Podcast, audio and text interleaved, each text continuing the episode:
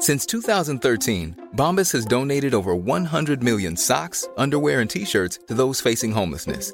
If we counted those on air, this ad would last over 1,157 days. But if we counted the time it takes to make a donation possible, it would take just a few clicks. Because every time you make a purchase, Bombas donates an item to someone who needs it. Go to bombas.com slash ACAST and use code ACAST for 20% off your first purchase. That's bombas.com slash ACAST, code ACAST. Many of us have those stubborn pounds that seem impossible to lose, no matter how good we eat or how hard we work out. My solution is PlushCare. PlushCare is a leading telehealth provider with doctors who are there for you day and night to partner with you in your weight loss journey. They can prescribe FDA-approved weight loss medications like Wagovi and Zepbound for those who qualify. Plus, they accept most insurance plans. To get started, visit plushcare.com slash weight loss. That's plushcare.com slash weight loss.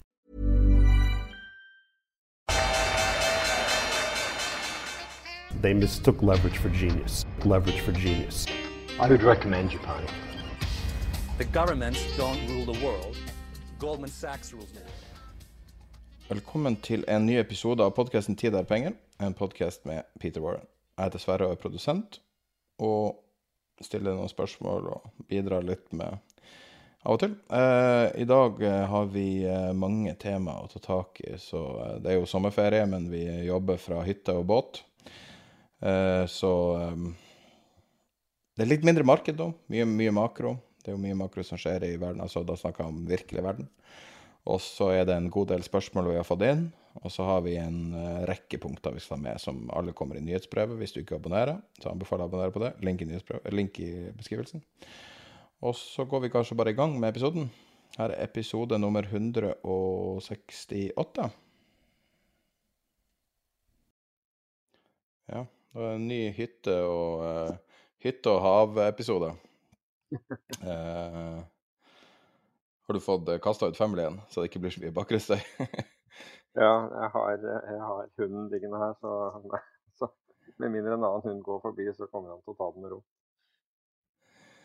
Um, og han får to lange turer om dagen, så han er ganske fornøyd. Har du merka deg at vi har snakka på, på en måte mindre og mindre om markedet, altså da tenker jeg daglige bevegelser og alt sånn, de siste månedene? progressivt mindre og mindre, på tross av at ting er veldig anspent. Vi snakka jo om tidligere år bare om markedet. Og, og, så var det jo liksom sånn Ja ja, men grunn, selv om aksjemarkedet faller, så er det liksom den virkelige økonomien blir ikke ramma så mye. Men sånn som det er nå, så er det jo bare den virkelige økonomien som blir ramma.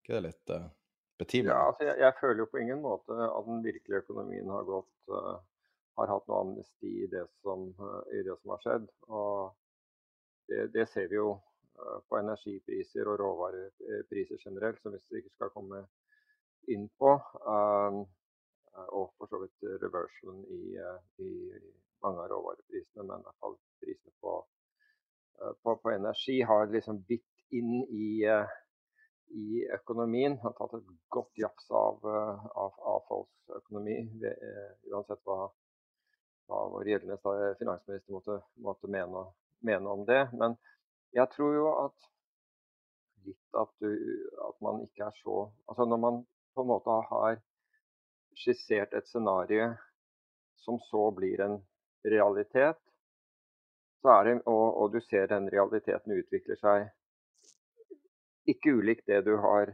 du har, skissert, så er det jo på en måte mindre behov for å, for å snakke om det. Det er jo i i brytningsperioder hvor, hvor du må argumentere for, eh, for dine synspunkter og påpeke f.eks.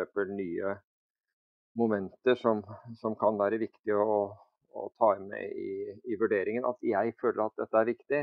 Jeg vet at det er mange som Det, det i hvert fall historien har vist, er jo at folk hiver seg på når noe synes sikkert. ikke sant? Altså Når en oppgang synes sikkert, eller når en nedgang synes sikkert.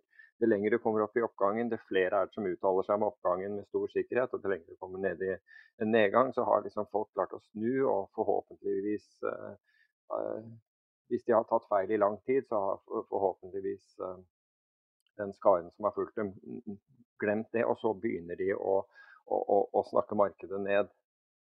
Men jeg føler jo at At det, altså vår oppgave er ikke å bli mer bullish til høyere markedet går, eller høyere verdsettelse går. Markedet kan gjøre hva det vil, men liksom det høyere verdsettelsene går. Eller mer bearish eh, det, det bedre verdsettelser. Altså det, er mer, det er viktig for oss å påpeke, om du vil, antagonistene. Altså de mulige tingene som kan forbedre systemet, enn å bli en sånn at De fleste kommentatorer kommentator bare følger jo det som, det som foregår, og, og, har en sånn bias til altså recency bias. Det, det som akkurat har skjedd, det vil skje videre, uansett om det går opp eller ned. Men jeg føler ikke at det tilfører noe. Så hvis man først skal til, og, og det, jeg tror litt av det er, er den situasjonen vi er i, i nå. altså vi visste i det vi gikk inn i dette her året at det ville bli et, på en måte et, stor sannsynlighet for et brytningsår, fordi de kvantitative lettelsene, i hvert fall fra USAs vedkommende, var over. Og det ville ikke bli kjøpt verdipapirer for 120 milliarder dollar hver eneste måned. Det er klart at det har en betydning. Og, det, og vi snakket jo om at vi forventet mye høyere volatilitet som, altså, og dermed usikkerhet som, som følge av dette. Og så har vi fått, uh, har vi fått flere negative uh, signaler etter hvert. Og når vi har liksom uttrykt disse, så føler jeg ikke at det der å bare gjenta dem er av, av stor betydning. Så jeg tror jo mye av det er altså Mye av svaret på spørsmålet ditt er jo nettopp at dette, er, dette har ikke kommet som julekvelden på kjerringa, man har snakket om det tidligere. Nå skjer det, og så, og så prøver vi heller å å, å, se etter lysningspunkter, om man vil, i, i, den grad man betrakter det der at um, ting som kan bevege seg oppover, er, er lysningspunkt. Og andre ting som, som, skjer som kan tilføre verdi. Da. Sånn tenker jeg i hvert fall jeg. Det er unødvendig å, å, å, å mane om å, gjenta det opplagte, når, når det opplagte er opplagt for alle. Og uh, apropos din uh, kampsak, som er Vedumputten. Ja. Den røyk i det jeg trykte på record. Oi. Vedum erkjenner å ha bommet i en stor sånn portrett. Først var det jo portrettintervju med Støre i, før forrige episode, i VG. Og nå er det portrettintervju med Vedum. Og han sier at uh, han sier nei, du kommer ikke til å få mer i lommeboka i år. Uh, frykter nye rekordpriser på strøm, og sier han lover skattelette og avgiftslette for folk flest neste år.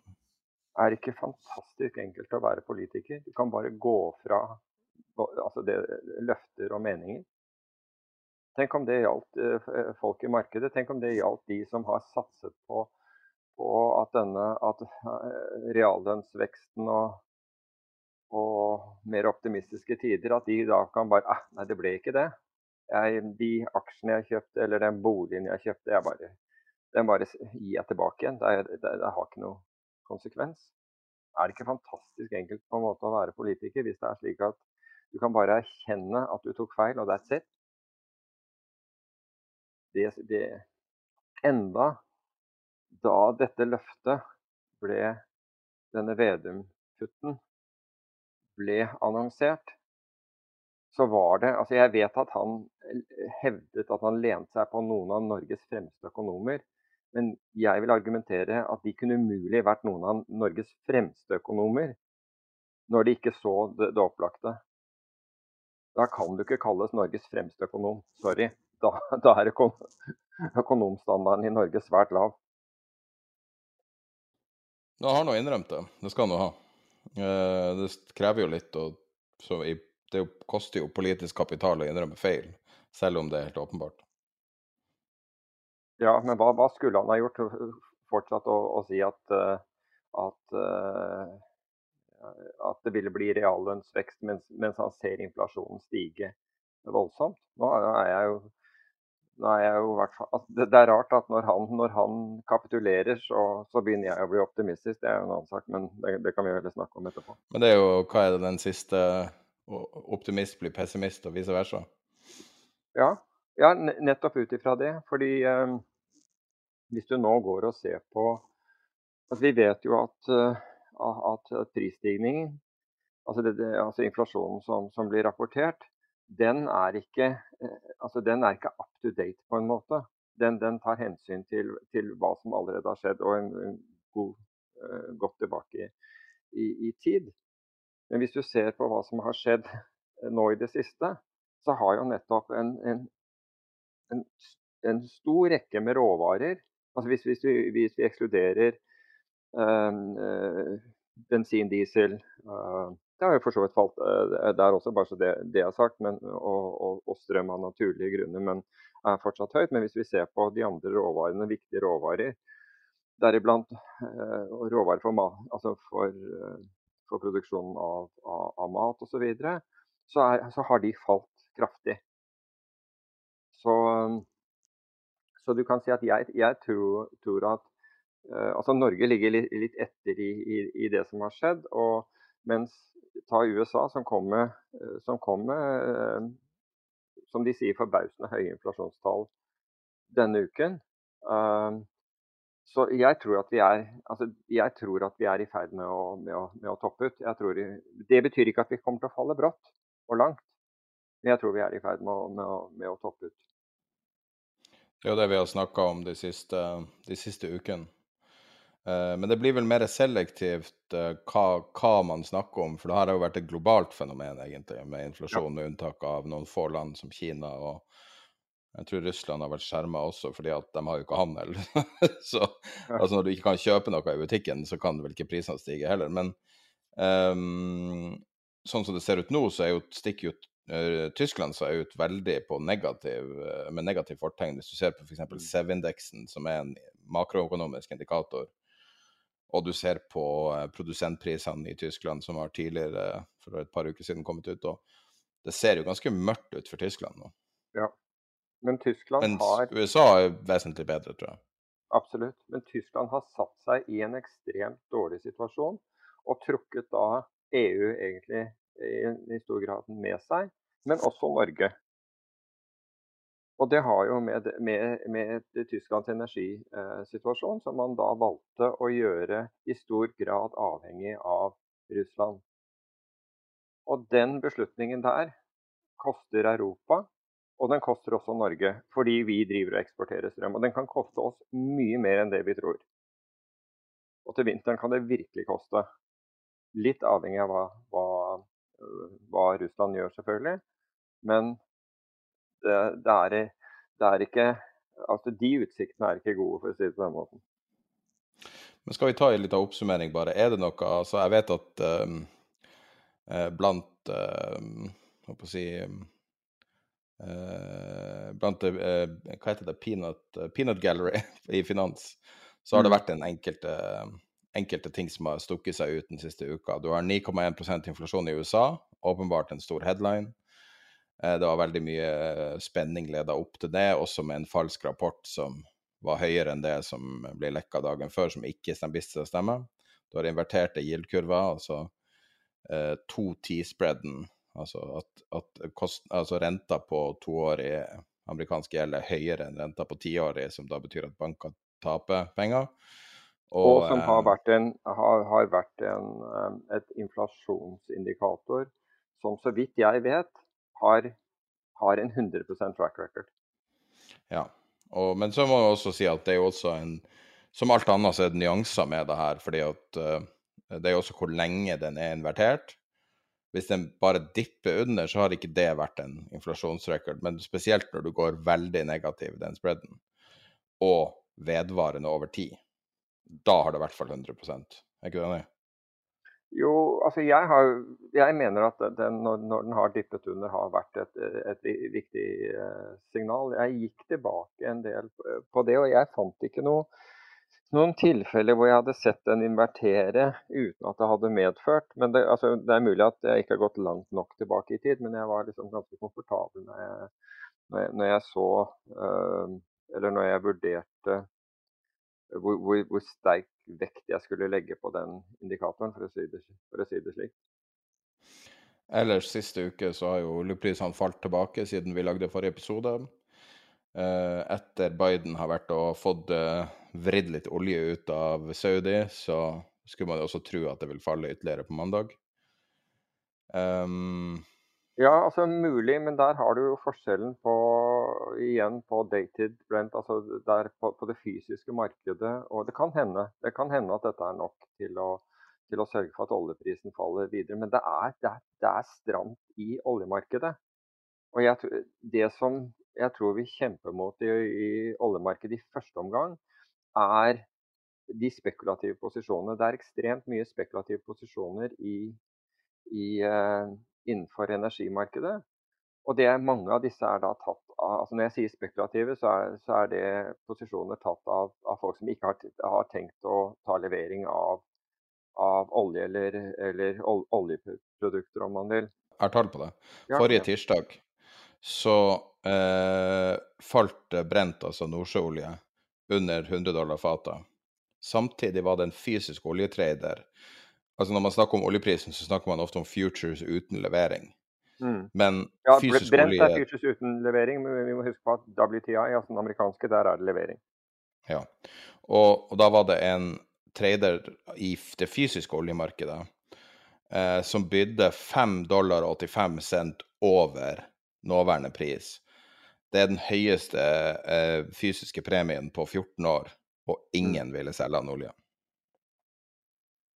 Nei, det, det, er jo akkurat det jeg eh, Et eksempel på det, på det jeg nettopp sa. Så vi må, vi må se litt uh, altså Papirmarkedet er ikke altså papirmarkedet som er uh, i, Brents, uh, i Brent-kontraktens tilfelle, da, er jo da ikke fysisk levering. Og det som skjer i, i papirmarkedet, ikke gjenspeiler ikke nødvendigvis det som skjer i det, i det fysiske markedet. Eller Eh, tilbud og etterspørsel i, i, i, det fysiske markedet. Det skal gjøre det, men det er, det er ikke nødvendig at det gjør det til, til enhver tid. Og, og, Det ser vi godt på, på, i dette eksempelet, og vi ser det også i eksempelet når vi ser på selv på den amerikanske oljen, altså WTI, altså West Texas Intermediate, som er, som er en lettolje med, med, med, fysisk levering. Der ser vi jo at kurven har, har brettet seg. altså Med andre ord, olje for, for nær levering har falt mindre enn olje for lenger ute på, på, på, på, på tidsskalaen. Så, så, det, er en, det er hvert fall en altså det, kan, det, kan, hende at dette demper litt på det kortsiktige, jeg vet ikke. Men, men la oss nå se hvordan dette, dette spiller. Hoved, hovedtemaet når det gjelder olje, etter min oppfatning, det er at det, at det er for lite olje i forhold til behov det det, er for, det er, for, lite tilgjengelig olje i, uh, i, i, markedet og vil være det fremover. Og nå er vi, nå er vi i sommerhalvåret. Og når vi nærmer oss vinteren Nå, reflekterer ikke kurvene det fortsatt, men jeg, det gjør at jeg er interessert i faktisk å, å gjøre ting lenger ut, på, lenger ut, på, kurven. For jeg tror, at, jeg, jeg tror ikke at du endrer denne det jeg kaller en ubalanse altså mellom, mellom tilbud og etterspørsel. Jeg tror ikke den blir endret fort. Selv, selv med dette som, som, Saudi gjør nå, så tror jeg ikke det endrer dette fort og vesentlig. Det kommer til å ta tid. Men mye har jo, eller svært mye, har jo med den situasjonen som er i Ukraina og forholdet til, eh, og, og forholdet til Russland å gjøre. Det er klart at kan, Hvis det kommer store endringer der, så må vi liksom, uh, Uh, when facts change, so does my, my opinion, som jeg husker Brian Marber han siterte vel en eller annen økonom. Men jeg har alltid husket det, og da, da, må, vi tenke, da må vi tenke, nytt.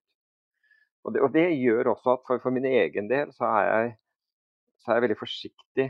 Altså, olje kan svinge dramatisk. og denne uken så så vi, så, så vi ek, ek, eksempler på det. Jeg mener at var det denne uken, nei, det var kanskje forrige uke hvor vi hadde over 10 dollar fall den ene dagen og 4 dollar den andre, for å så komme nesten opp igjen. ikke sant?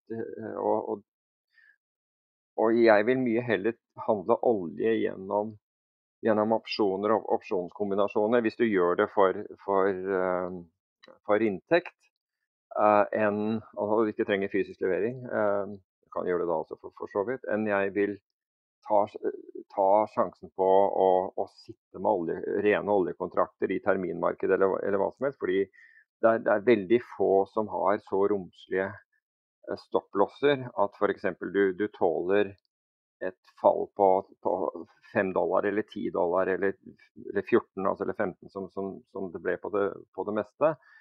Uh, uten, å bli, uten, å bli, stoppet ut av den posisjonen. ikke sant? Og Da er det jo ekstremt uh, irriterende å se at olje går opp dagen etter. Og så tenker du shit, jeg skulle aldri hatt den stopplåsen. Og så er det den dagen du gjør det tilsvarende og ikke har en stopplås, hvor, ikke, hvor, hvor det, det, faller da 10 dollar den ene dagen, 5 dollar dagen etter, og så faller det ytterligere 10, og så faller det ytterligere 10. Altså, så det, dette er uh, Big Boys Rules. Uh, jeg tror det var en bok som het det, uh, men hadde ikke noe med finans å gjøre. Men, men, det er litt sånn i oljemarkedet. Det er de store som, som er i kontroll her, og man skal være som altså hvis man er spekulant i, i dette markedet, um, så, så, skal være, så, skal man være, forsiktig og være bevisst på, på, hva man driver med.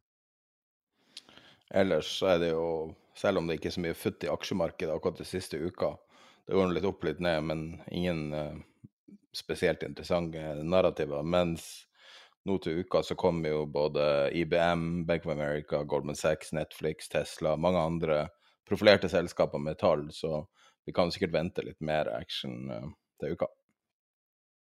Ja, og, og, markedene er tynne. og Hvis vi, altså hvis, hvis vi uh, fortsatt er inne på denne uken her så, og, og, inflasjonstallene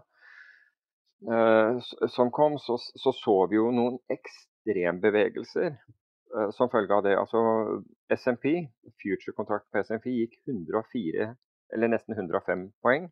Nasdaq gikk 440 poeng. Og nå snakker jeg umiddelbart etterpå. I første, de første 15 minuttene etter at inflasjonstallene fra USA eh, kom. Gull gikk 23 dollar. Bitcoin gikk 1200 dollar. Ether gikk 88,5.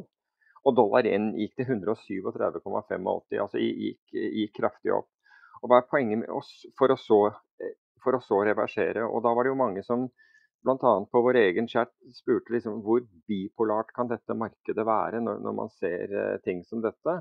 Og svaret på det er at det er ikke bipolart. Det som er problemet, er at når tallene kommer rett før tallene blir annonsert, så trekker alle marketmakere seg ut. Alle high frequency, for det er det vi har nå. Det er high frequency marketmaking. Vi har ikke vanlig marketmaking.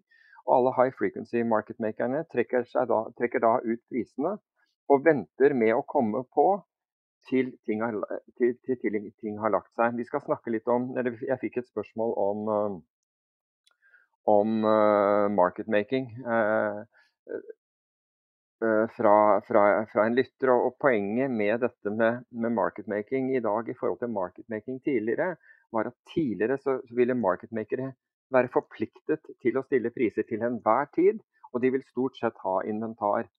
I dag så har de ikke, de har ikke inventar, de, de, skal være i null på, på, slutten av dagen. Så marketmakerne kommer kun inn. Altså En marketmaker kjøper kun når han finner et eller annet han kan selge mot det i umiddelbart for å dekke den risikoen.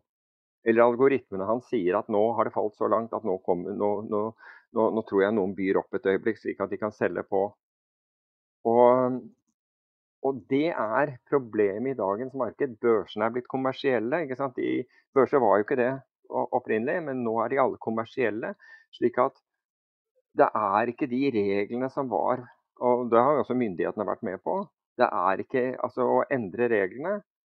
Og da Altså hvis du ikke har inventar, tenk deg hvis du var i en butikk. Altså, tenk på marketmaking som en butikk, og noen kommer inn i butikken din og, og du har varer til salgs, og så sier du jeg kjøper den, og så er du nødt til å, du har ikke noe lager. Så du er nødt til å løpe rundt i byen for å prøve å finne den varen til, til en billigere pris. Det er faktisk det som skjer nå, bare at det skjer da med, med, med bauds hastighet, altså så, så, fort som Eller nesten med lysets hastighet. Um, og det er det som egentlig skjer, og det er det som blir et problem i når f.eks. tall kommer som overrasker de bare flytter seg ut. Det er ingen, til, til, det er ingen som, ha, som, sitter på inventar eller ønsker, ønsker å, å, å, få inventar fordi du vil selge. Og så får du den type utslag som du fikk nå i uh, denne uken. og det, det, svekker markedet når det er, uh, når det er slik.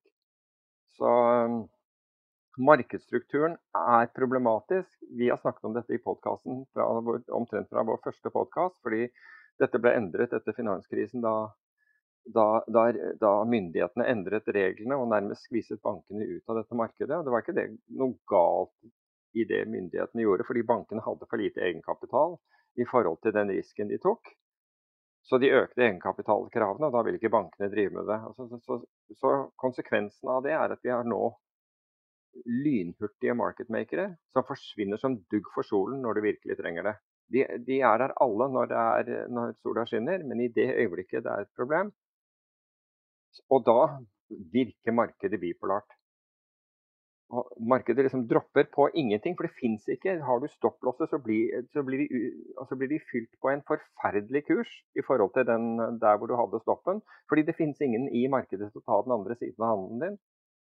Og så når alt det der er ute, så kom, da kommer kjøp. I det øyeblikket de ser det snu, så kommer de inn igjen. Og man burde egentlig, eh, for, for de som interesserer seg for dette, boken 'Flash Crash' av Var det Vince Vaughn som skrev 'Flash Crash'? Jeg, si, jeg tror det, men i hvert fall boken 'Flash Crash' omtaler altså det Flash Crash som vi hadde i 2010, men forteller egentlig i detalj hvordan dette virker, hvordan datamaskinene slår seg av, eller hvordan de trekker, seg, trekker, ut prisene, og når de kommer inn igjen. Boka heter 'Flash Crash'. A trading savant, a global manhunt and the most mysterious market crash in history av Liam Wan. Liam Wan, unnskyld. Liam Wan. Uh, men i hvert fall, der, i den boken så beskrives um, den uh, altså mekanikken som, som gjøres da, av high frequency, altså disse lynhurtige uh, traderne slik at man kan forstå hvordan, hvordan, dette er. og Derfor så av og til altså, Man kan ikke si til folk at de, du skal ikke ha stopplosser. Fordi stopplås skal, skal, forhindre eh, katastrofalt tap. Men hvis du har en tett stopplås, eller en stopplås i, i, forbindelse med, eh, med nyheter, annonserte nyheter, eller andre ting som er i markedet, så må du i dagens marked, fordi, marked, fordi strukturen er blitt endret etter finanskrisen, så må du være forberedt på at du blir fylt, altså at ordren din blir, kan bli fylt vesentlig lavere hvis den er til nedsiden, enn det du hadde sett for deg. Du kan eh, sette inn en ordre som sier at jeg stopper oss der, men, ikke, men, jeg vil ikke bli fylt lavere enn en, ja, fem tics unna eller et eller annet sånt. Det kan du godt gjøre, men da kan du også risikere at den ikke blir fylt i det hele tatt. bare så det er sagt. Men vi har svekket myndighetene, svekket markedsstrukturen uten å tenke på konsekvenser. Og så har vi ikke hatt noen konsekvenser i den, hele denne perioden med kvantitative lettelser frem til eh, slutten av fjoråret. For det har nesten ikke vært det var under covid, og der smalt det, og det for noen. Uh, men annet enn det Det gikk over så fort at, uh, at, det, at det, ble glemt. Men annet enn det så, altså Vi hadde 2015 med, med med sveitserfrangen bl.a. Katastrofal bevegelse i, i, i, i sveitserfrang. Uh, men det, det, har blitt, det, har ikke blitt, endret.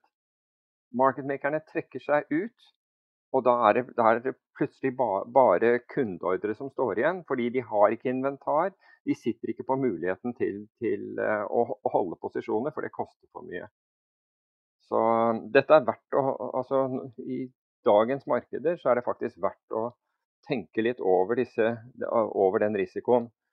Men la meg bare være helt klar på én ting. at Hvis du er langsiktig aksjesparer, så er ikke dette interessant for deg i det hele tatt. Du trenger ikke å tenke på, på dette i, i, det daglige. Fordi du har tenkt å, å, sitte med disse posisjonene. Det er pensjonen din, og det er 10 år frem i tid, eller 20 år frem i tid, eller hva det måtte være, til du har tenkt å realisere. Da bryr du deg ikke om kortsiktige sånne svingninger. Og spesielt ikke de som er over på 15 minutter eller en time eller, eh, eller hva som helst. Det er jo det er helt uinteressant for deg. For du ser på slutten av dagen, så du ikke tenker du at her har det ikke skjedd noe. I mellomtiden så har det vært eh, ekstremt eh, volatilt. Så dette er for de som sitter med mye risiko, og som ikke tåler å få noen prosent mot seg, f.eks. Skal, vi eh, skal vi ta noen spørsmål og svar? Kom igjen. Vi har uh, fått en del spørsmål via Patrion i dag. Vi prioriterer jo stort sett spørsmål. Vi får veldig mye spørsmål inn, men vi kan ikke ta alle. Men vi prioriterer spørsmål fra Patrion. Så Spørsmålet er fra en lytter som spør hva du tror som skjer først. At eh, Vesten trekker støtten til Ukraina, eller at, Ukraina seg, nei, at Russland trekker seg ut av Ukraina? Altså jeg skulle ønske at jeg kunne Jeg skulle ønske at svaret på det var at Russland trekker seg ut av Ukraina, men jeg tror dessverre ikke det. Fordi Russland gjør ting med ganske lang eh, tidshorisont. Uh, og har befestet seg der. Mye. Mye fordi, men det er en annen, er en annen sak, uh, at uh, da de annekterte Krim, så reagerte ikke Vesten. Så Hadde vi reagert den gangen, så hadde vi kanskje ikke hatt den situasjonen i, i Ukraina nå. Men det er en annen, annen diskusjon. Unnskyld. Um, jeg tror at Russland er, er tålmodig, for det, her er det snakk om én mann, som, nemlig Putin, som kan beslutte dette. Mens når det gjelder Nato og Vesten, så består det av veldig mange, eh, mange land. Og hvor lenge er man motivert for å pøse penger og, og, og våpen inn i Ukraina.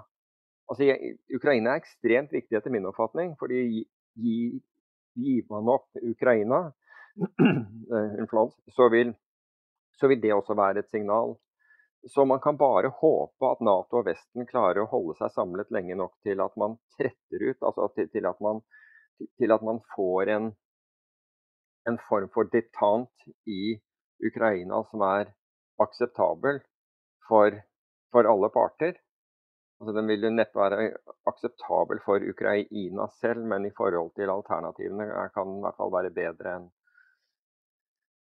enn ikke. Uh, men ja, jeg, altså, du ser jo også på nyhetsbildet, som har blitt vesentlig redusert fra hva som foregår i Ukraina. Og politikere reagerer på, på nyhetsbildet. Så jeg er stygt redd for at Nato og Vesten trekker støtten. Altså hvis vi, vi, spørsmålet her er, er, jo binært. ikke sant? Altså, hva, hva, skjer? Kommer de til å gjøre det, eller kommer de andre til å gjøre det? Og jeg tror at Når det gjelder tålmodighet, så tror jeg Russland har, større, har større grad av tålmodighet. Så får man se man, hvilke pressmidler man, man bruker. For dette koster Russland til tross for høye energipriser, så er det ingen tvil om at dette, dette koster Russland. Så Svaret er egentlig hvor lenge tror vi at Nato-Vesten-samarbeidet kan være omforent om politikken i, man, man, fører, altså militære støtten til, eh, til, til, Ukraina. Det er egentlig det som er, er spørsmålet her. Jeg skulle, jeg skulle, like å si at uh, Russland uh, gir seg først, men jeg, jeg, tror ikke Russland kommer til å gi, til å gi seg lett her. Altså. Det, jeg, jeg, gjør ikke det, men jeg tror det er veldig viktig også at, uh, hva, hva Nato-Vesten gjør. Men av de to så er jeg redd at at, at, støtten begynner å bli trukket før, uh, før Russland gjør det. Jeg får et spørsmål som vi har fått tidligere, men vi kan gjenta det kjapt. Uh, kan privatpersoner hedge egen strømpris med futures, eventuelt opsjoner? Uh, jeg tror det er vanskelig. Jeg tror ikke etter at, etter at Einar Aas, eller Einar Aas-saken, Eh, så tror jeg ikke at man godtar privatpersoner på børsen som motpart. Altså Det som er utfordringen, bare så det, altså dette dreier seg jo om at, at, at flere og flere av strømleverandørene uh, trekker seg fra å levere fastpris på strøm. Fastpris blir jo akkurat som en, en termin på, på, strøm. altså Du får fastpris i la oss si, ett år, to år, fem år, eller hva det, hva det måtte være.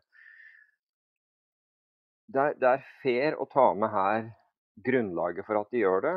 Og det er at hvis du selger til forbruker, så har forbrukeren jeg tror det er 14 dager kanselleringsrett på den avtalen. Det er en gratis opsjon for forbrukeren til å gå fra avtalen dersom strømprisen faller i mellomtiden. Og jeg, jeg forstår strømselskapene som ikke ønsker den i et så volatilt strømmarked som vi har i dag. Det, det forstår jeg. Det, det, der er en flå i avtalesystemet.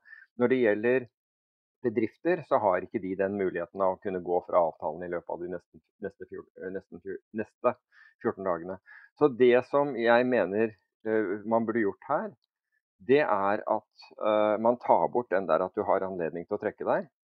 Altså Inngår du en avtale, en, en fastprisavtale for en periode, så må du stå ved den. Altså Som, som forbruker så må du stå ved den. Hvis du fjerner den, så tror jeg at uh, selskapene igjen vil, vil uh, levere dette til forbrukere. Så det er, mitt, det er, min anbefaling, at man gjør det på, på, på, den måten. Fordi strømselskapet ønsker ikke da å sitte på den risikoen for at du ombestemmer deg i 14 dager i et strømmarked som kan gå fra hva var det jeg så, vi var nede i tre øre eller noe sånt i går, og, og, og lowen var tre øre, toppen Nå snakker jeg for NO1. Tre øre, og toppen var 220 øre eller noe sånt. Så du gikk fra ned til 3 øre og opp til 220 i løpet av noen timer. Det er jo galskap. Det er jo rett og slett galskap. ikke sant? Altså, det var spotstrøm. Men det er klart at når markedene svinger så mye, så forstår jeg disse strømselskapene. Det er en av de få gangene jeg har sympati for strømselskapene, men, men her har jeg det. De, de, de, har ikke muligheten til å til, Altså det å, å, være udekket i 14 dager, om de skal sikre denne, kontrakten eller ikke, det er en for høy risiko å ta. Og Det gjør at de da isteden øker prisen, altså påslaget på disse betydelig. Jeg skjønner at de gjør det. Ta bort den der 14 eh, dagers eh, returretten. Så, så, så, tenker jeg at vi, vi, får orden på det markedet også. Jeg er litt sånn usikker på hvordan vi skal formulere det neste spørsmålet. For jeg har ikke så veldig lyst til at vi skal reklamere for en norsk stablecoin. Så uh, uten å i, litt sånn i kraft av alt som har skjedd med stablecoins i, i, verden, så tror jeg vi kan si at det finnes en norsk stablecoin som er planlagt, som er veldig uavklart rundt regulatoriske tema. Eh, kommer fra en tidligere tilsynelatende seriøs aktør, som er knytta rundt eh, eiendom som eh, det som backer verdien av stablecoinen. Så spørsmålet en lytter sender, er et veldig interessant refleksjon om det er det her første muligheten til å shorte egen bolig? Egen bolig, ja. Det tror jeg. Hvis du kan, hvis du kan utstede på din egen bolig, så er det den, første muligheten til å, til å shorte egen bolig. Nei, de utsteder med eiendom de eier som backing. For ja. å holde Altså, det her skal jo være stabilt, derav navnet stablecoin. Ja, men når eiendomsverdier altså, da, da sier du presumptivt at, at, eiendomsverdier er stabile, og det, det, tror ikke jeg de er. Uh, slik at det blir vanskelig. Uh, men hvis du kan utstede en token på din egen bolig til en pris, altså til, til prisen den har i dag, eller, eller hvis denne her så, så, vil jo det være det samme som å gå short en del av, uh, av boligen din. Problemet er jo hvordan skal dette regnes? Altså Hvem er det som vil sitte på dette? Altså Hvis du shorter, altså hvis du utsteder den Hvis jeg kjøper den stablecoinen, så er det jo den er jo stable i forhold til at den eier en eiendom. Den er jo ikke stable i, for, i, forhold til, uh, i, i, forhold til, endringer i verdi. Så fordi hvis verdien på boligen går opp, så, så, tjener du penger hvis du eier den. Og hvis, hvis verdien går ned, så, så, taper du, med mindre du har shortet den. Så jeg vet ikke, jeg syns det der er jeg synes, jeg, Altså hvis du kaller en ja, altså Du kaller jo en stablecoin hvis, hvis den følger dollaren også. Vi vet jo at dollaren fluktuerer, så, så, det kan være at den kvalifiserer på den måten til eh, det. Men jeg tror det er vanskelig Uh, jeg tror det er vanskelig å bli enige om verdi. Punkt én, jeg tror det er vanskelig til, til enhver tid å være enige om verdi. Punkt to, uh, så tror jeg at uh, du er jo ikke garantert å få verdien. fordi skal du selge stablecoinen din, så må, må, du da finne en kjøper til denne. Og hvis, la oss si at den eneste kjøperen i markedet byr 80% av den verdien du, du, ønsker og du mener at den har, hva gjør du, imellom, hva gjør du da? Uh, kan du tvinge salg av boligen? Jeg vet ikke. Uh, vanskelig. Jeg må vite mer, rett og slett. Er ikke det her å stable risiko på risiko? Konseptet stablecoin, som har vist seg å være ikke i nærheten av så robust som navnet skulle tilsi, oppå eiendomsverdi som er på tidenes topp? Jo, altså Det er jo en måte å Det er jo det blir jo et derivat på boligen, da, ikke sant. Altså, øh, men du vil ha et eierskap i denne, i, i denne boligen. Jeg, jeg, ikke, altså jeg, må vite mer for å, for å vite, vite, hva. Men hvis du ser på hele den kryptoindustrien, så altså, Du har jo stablecoin som er én til én med dollaren. Problemet er at andre har laget stablecoin som har andre egenskaper, ikke sant? Som, hvor, en, hvor en algoritme skal bestemme verdien. Og vi, vi, har jo akkurat sett eksempler på hvordan det fullstendig kan, kan krasje. Men hvis du utsteder en stablecoin f.eks. på basis av at du eier en norsk statsobligasjon, tiårs norsk statsobligasjon hvis det finnes en i øyeblikket, eller en, en, annen, så vil jo den være stable i forhold til verdien på, det, på den uh, statsobligasjonen, så lenge dette er nærmest et sånn én-til-én-forhold. Så det er ikke noe galt i det. det problemet er at kryptomarkedet har trukket ting så mye lenger. Så langt spekulativt, og, og også gjort krypto om, delvis om til en spøk. Det var ikke Dogecoin som var ment som en spøk, og andre Shiba Inu og alt dette her som, som ble hevet på fordi det var en sånn galskap etter å spekulere en periode. Og Det er det som har forringet hele, eh, hele kryptomarkedet og, og, dratt hele greia ned. Fordi gærne spekulanter som ikke brød seg om det, som bare trodde at de skulle doble pengene sine hver dag, eh, engasjerte seg og begynte å kjøpe. Og da var det ingen som, som Da plutselig fravek man alle konsepter av, av om dette hadde nytteverdi i det hele tatt, og hvordan det var laget, eller om det var begrenset antall coins osv. Alt det der fløy ut av vinduet i, en, i, en, i tidenes spekulasjonsbølge. Så jeg vet ikke, Det betyr ikke at krypto og for så vidt stablecoins ikke har noe verdi, for det tror jeg det har. Jeg tror bare at du må vaske ut alt det der tullet og det må vaskes grundig. Det må vaskes i hvert hjørne og på hvert trappetrinn. Når du har fått det ut, så, så ser du hva som er igjen og, og verdien av det.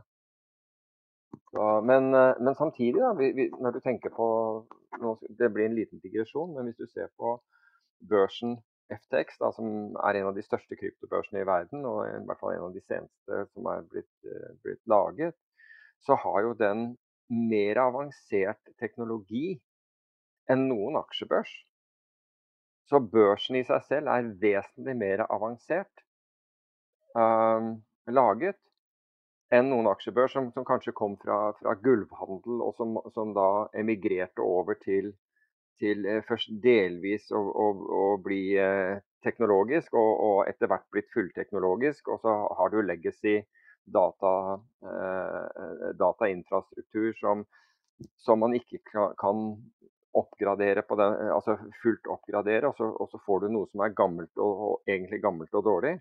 Mens FTX altså Jeg eier ingen, jeg eier ingen aksjer eller noe sånt med FTX, bare så det er sagt. Eller, men forresten, et eh, venturefond jeg er i, kan ha eiendeler i FTX. det bare for å disclose det, det tror jeg faktisk det har. Men, men poenget mitt er at, er at, du har fått vesentlig mer moderne teknologi inn i i en markedsplass enn det som eksisterer på noen aksjebørs i, i verden. Så noe godt har det gjort. Eh, litt i eh, takt med at eh, det er en sak som pågår med JP Morgan-tradere som har spoofa 50 000 ganger, så har det kommet et spørsmål om hva er spoofing? Ja, spoofing er når du, når du, legger inn en handel som du ikke har tenkt uh, at skal gjennomføres overhodet. Du gjør den egentlig for å, for å manipulere markedet, uh, og ble mye brukt tidligere.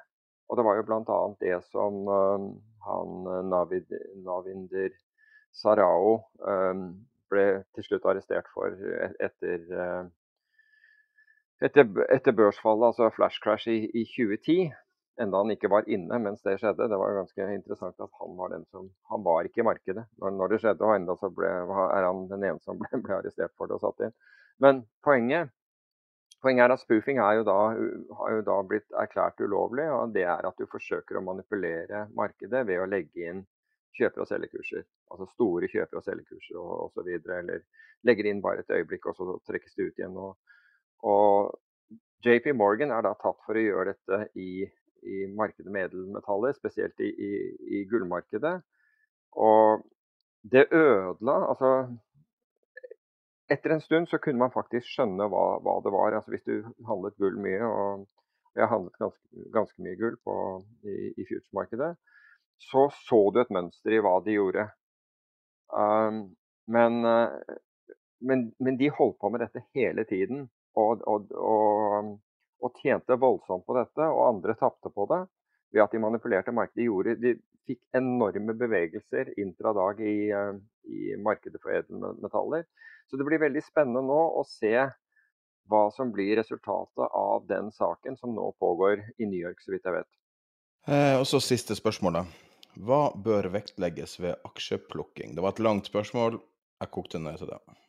Ja, og dette kommer jo da fra, fra, fra noen som for, forsøker nå og ser at markedet har falt, og enkelte aksjer har falt veldig mye, og prøver da å det vi kaller bunnfisk, om man vil, i, i, i solide selskaper. Altså, nå, nå, er ikke jeg, nå er ikke jeg erklær, en erklært aksjeanalytiker, men, men, stort sett altså, så, så vil det være kurs eh, versus fortjeneste og, og kurs i, i, forhold til bokførte verdier, og da bokførte verdier da eh, minus gjeld som, eh, som, som, gjelder.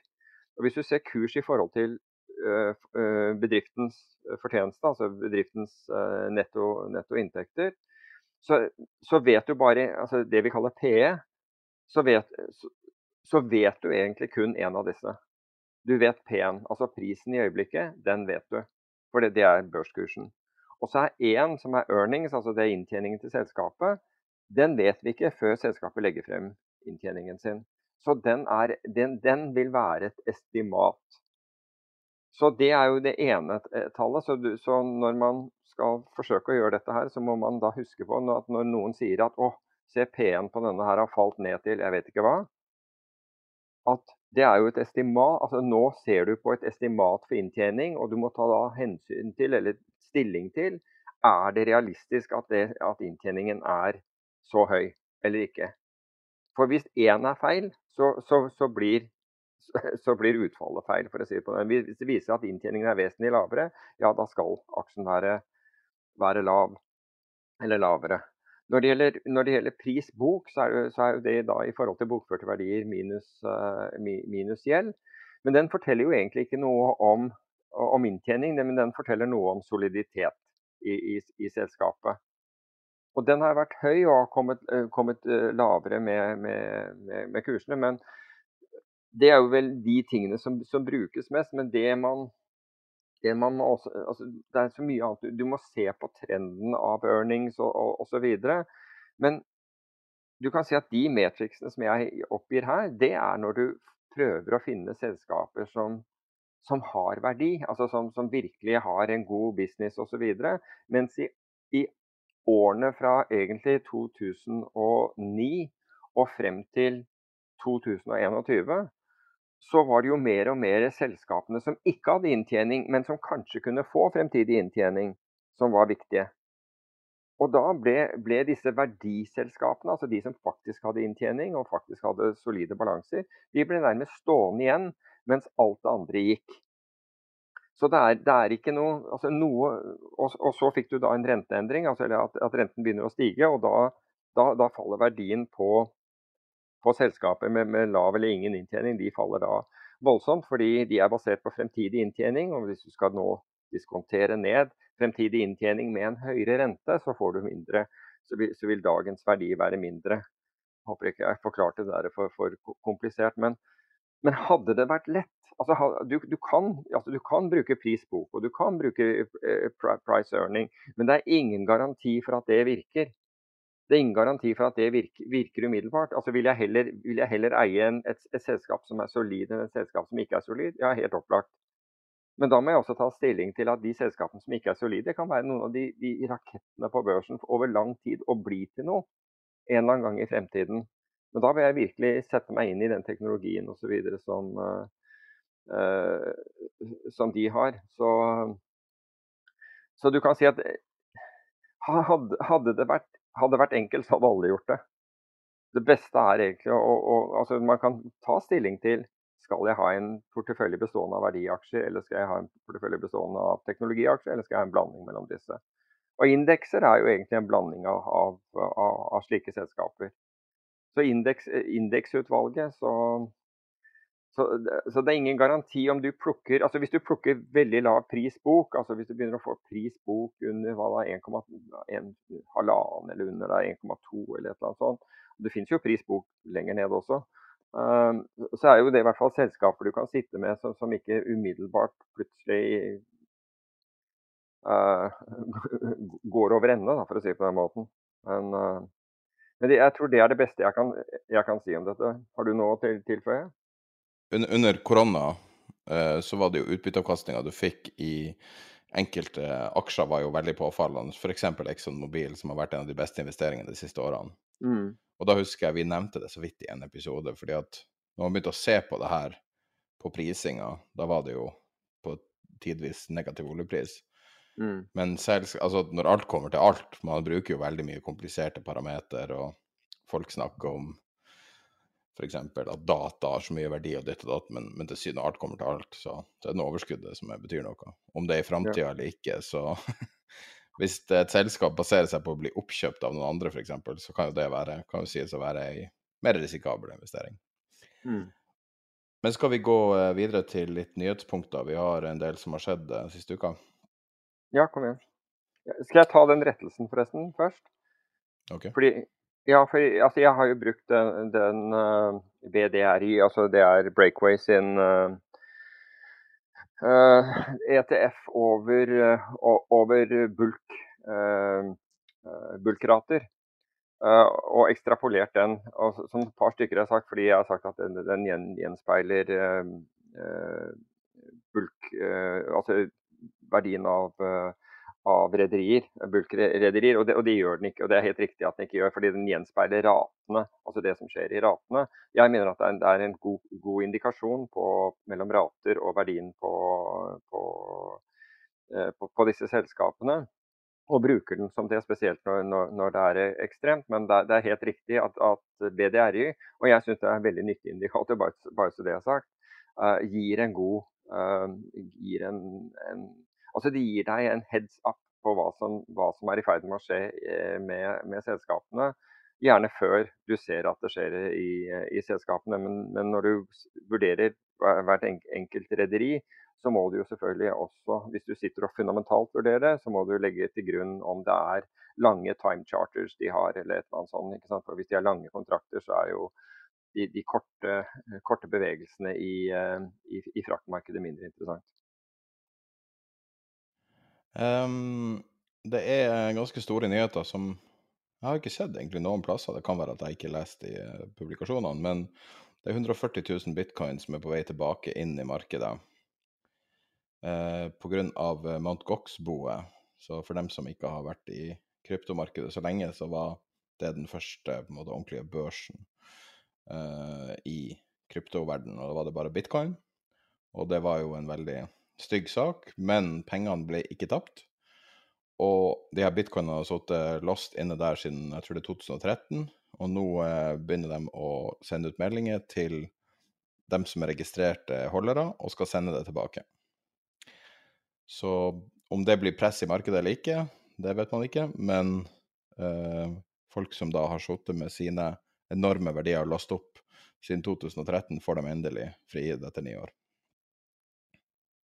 Ja, det er, det er, i hvert fall positivt, det. Eh, verre er det vel for eh, Ble han satt inn, eller, eller forsvant han til Korea eller noe sånt? Jeg tror han sitter inne, men eh, det får folk google sjøl.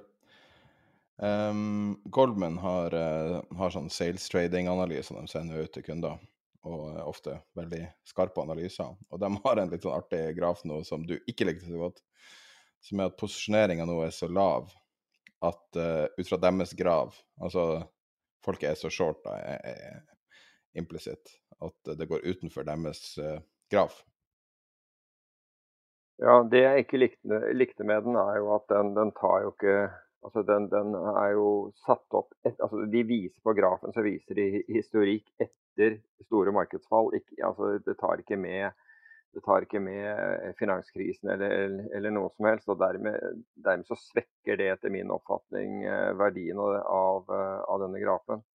Um, Lavere nivå enn det var i 2020? under Ja, og det, og det, altså, og det, kan, altså, det, er veldig mye sens i det. altså 2020 var, var, var jo covid og var og det ble, og ble sprøyta inn penger veldig veldig kjapt for, for, å redde markedet. Nå er det ikke noe tegn på at uh, man har tenkt å, å, å sprøyte inn midler for å, for å, redde markedet, annet enn at uh, altså, du, du, ser Christine Lagarde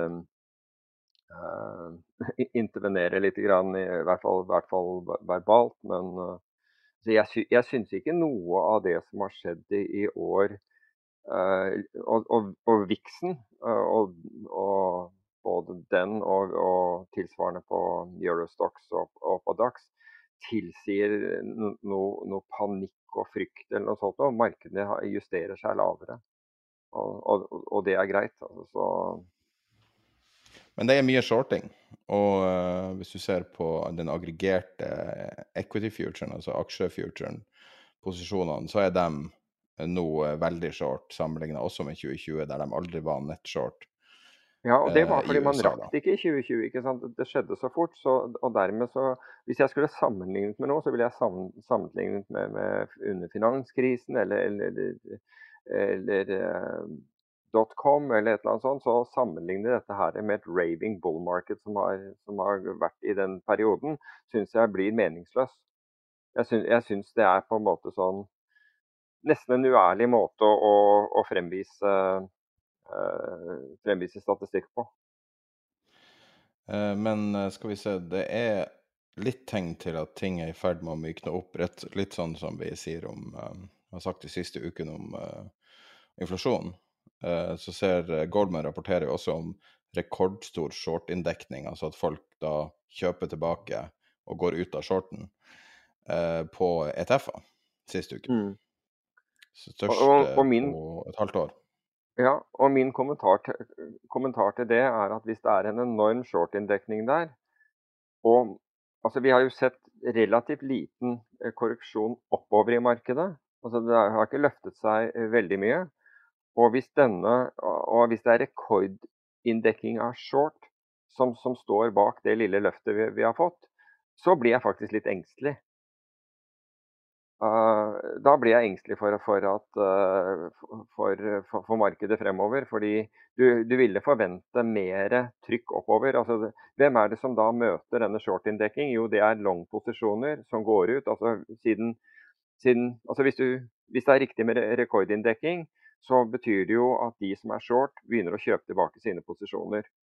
Og, dette, og disse skal ha angivelig vært veldig store. Det er viktig finnes... å presisere at det er ETF ja. Eh, shorta i USA, rapportert av Goldman. Så. Ja, og nettopp. Og du kan si at ETF-shorter er Det er veldig mange som bruker ETF-shorter fordi de har ikke anledning til å bruke future-markedet for, eh, for, måten de er satt opp regulatorisk. Så de bruker heller ETF-er. Så hvis dette er inndekking av, av short, så hadde jo jeg forventet altså Hvis ikke den går veldig opp, Altså hvis, Siden det er rekordinndekning, så vil du liksom forvente at det ville virkelig dra på til, til, oppsiden. Når den ikke gjør det, så betyr det at det er villige selgere av folk som ikke går short, men som, har, som, som vil ut av markedet. Eh, den møter. Så jeg er litt bekymret hvis, eh, altså hvis, hvis Goldman har rett og dette er rekordinndekning, at vi ikke har sett større oppgang. Det betyr at, at det er en ubalanse der fortsatt. At det er mange av mange investorer som sitter i markedet, som vil ut. Og som, altså, som er long og vil, vil ut av, av, sine posisjoner. Så det skal bli spennende å se når, når det der er over, hvordan markedet balanserer. Ja. Men det er jo over når vi dør, liksom. Jeg vet ikke. Når, når, hva er over? altså, vi er jo i en vedvarende Akkurat nå så er vi vel i en ca. 50 forskjellige kriser. Og um, inflasjon knytta til strøm og, og, gass er en av dem. Mm. Så eh, hvis det begynner å, uh, å, roe seg, kanskje, og det er jo ingen, uh, absolutt ingen garanti for det, så, så, er det mange andre kriser å ta opp slekken. Så um... Ja, det, det, er jo ingen Ja, nettopp. Det er jo, det er jo lite som, som jeg syns tyder på det, men Jeg kan ta en annen som, som ingen tenker på. Okay. Bilsalg. Bilsalget i Europa er det svakeste nå i uh, juni ja. siden 1996. I USA det nå, snakkes det nå om at eh, repo, altså repossession av biler, altså folk som ikke klarer å betale, eh, betale denne eh, lånet på bilen, kommer til å eksplodere oppover, er det som er spådd. Gjennomsnittlig car payment som en amerikaner har En amerikaner, en typisk amerikaner tjener kanskje 2100 dollar i måneden. Gjen, nå husker jeg ikke tallet om det var 600 eller 900, men begge er høye. Um, en typisk, en typisk uh, car payment, altså det de betaler i måneden, er Altså det er ikke uvanlig at en, en person som tjener 2100 dollar i måneden, har en car payment på 900 dollar i måneden. Mm. I tillegg har du, uh, i tillegg har du en, en helt sånn grusom uh, praksis der biler blir solgt igjen og igjen og igjen. Samme bilen kan ha 35 eiere. Uh, som er en sånn utnyttelse av fattige folk som får veldig gamle biler på veldig høye priser fordi at du, du har dårlig kredittrating. Uh, og, og, alt det her nå ser ut til å kulminere litt samtidig. Det er verdt å følge med på. Ja. Ganske stort marked uh, billån i USA. Og vi har jo fått Vi har jo en lytter som, som har drevet import av, av high-end Mercedeser, AMG Mercedeser. Og han meldte jo at uh, Og han sa at alle de bilene han har solgt, og han har tatt inn mange, har vært solgt til uh, menn under 30. Nå sa han at det er helt stopp. Dette er biler som, uh, som ligger sånn i snitt to millioner kroner, så det er jo ikke akkurat billige biler. De bilene han snakka om, var den modellen som heter Mercedes GT. Så det er den highest high end-versjonen av en Mercedes. Ja, AMG GT, ikke sant?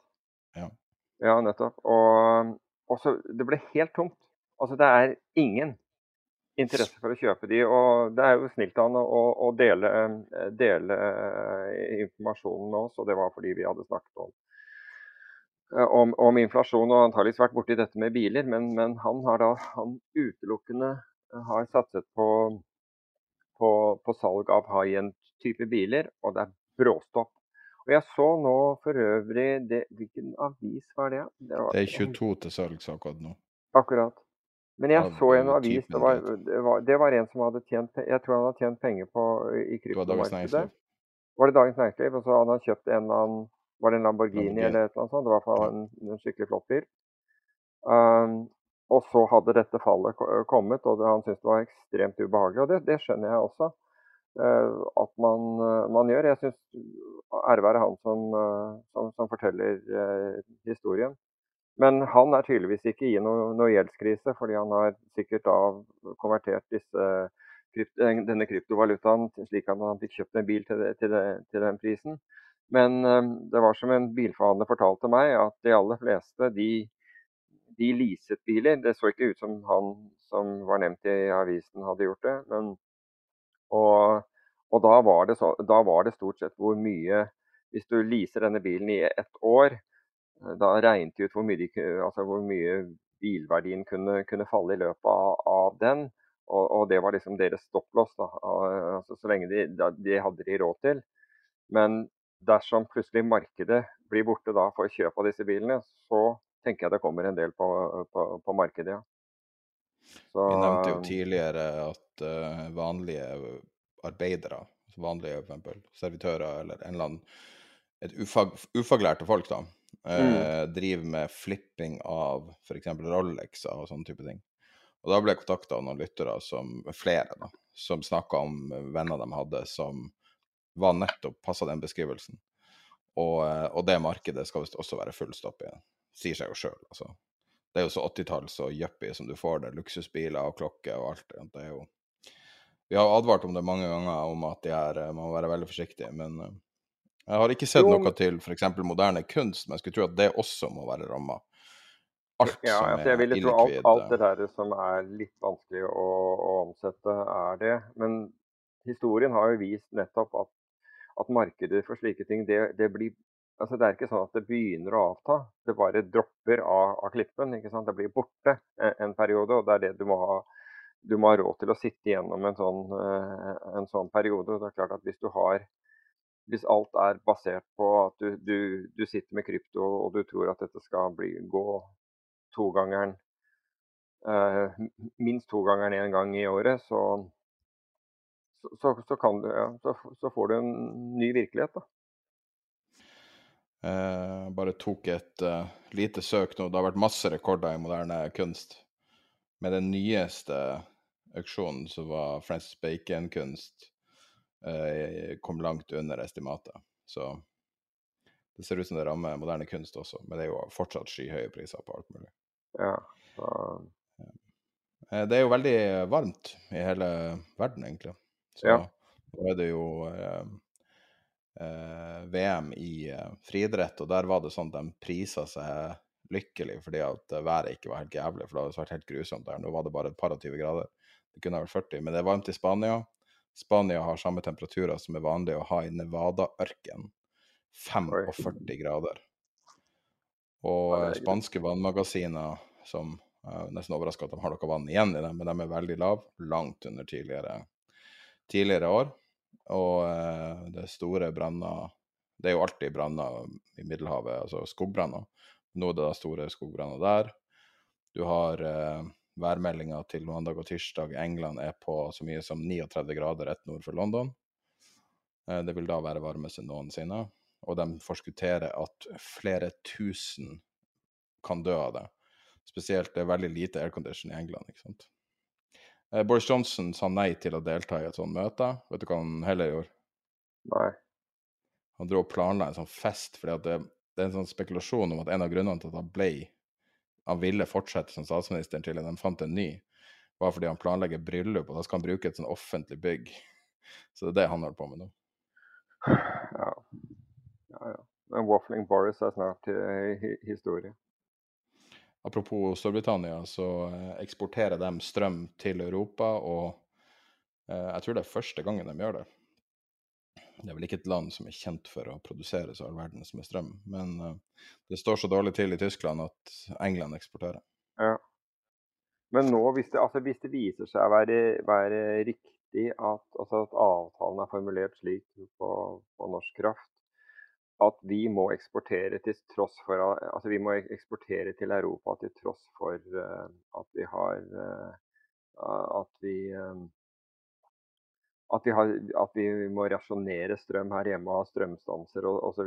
Da har du virkelig Da har du jammen laget en bra avtale. Men nå ser du jo at, at flere kommer på banen når det gjelder denne altså Det har tatt lang tid å få politikerne på banen i denne saken, syns jeg. Men nå, det, nå ser det ut som det som noen begynner å våkne.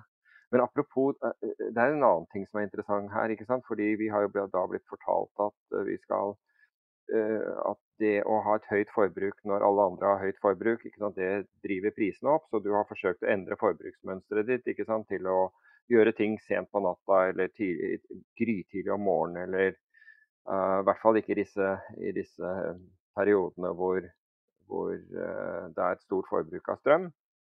Men nå, den, men greia nå du, er at nå har du fått den der nye nettleien inn, som da skal beregne hvor mye du skal betale i nettleie på basis av hvor toppforbruket ditt er over, over, altså høyeste forbruk du har over tre dager.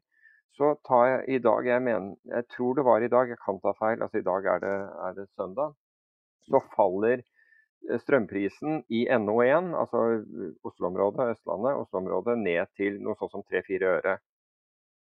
Så da, da altså hvis, hvis, du tar den, for, den, anbefalingen vi har fått, er å bruke når, når strømmen er lav, og, og kutte det der, så, dun, så, alle, så, du setter på alt det du har for å, for, for å utnytte den lave strømprisen. Men da trigger du nettleien din. Så da kan du risikere at du, at du får mye høyere nettleie. Fordi du, fordi du fulgte akkurat det du ble, ble anbefalt for ikke lenge siden. Vet du hva, dette er en goat-fuck uansett hvordan du vrir og vender på det. Altså. Du bruker et militært uttrykk. Ja. Godt innarbeidet Um, militært uttrykk. Det er um, Når vi er på Tyskland, så jeg satt bare og uh, leste meg litt opp på diverse ting. Og så kom jeg over eh, Jeg bruker av og til å snakke med han forvalteren som heter John Hampton. Mm. Og han har trukket fram um, Vonovia, et selskap de aller fleste sikkert ikke har hørt om engang. Som er et tysk uh, selskap som eier Jeg har sett forskjellige anslag. Et sted mellom 490 og 550 000 leiligheter.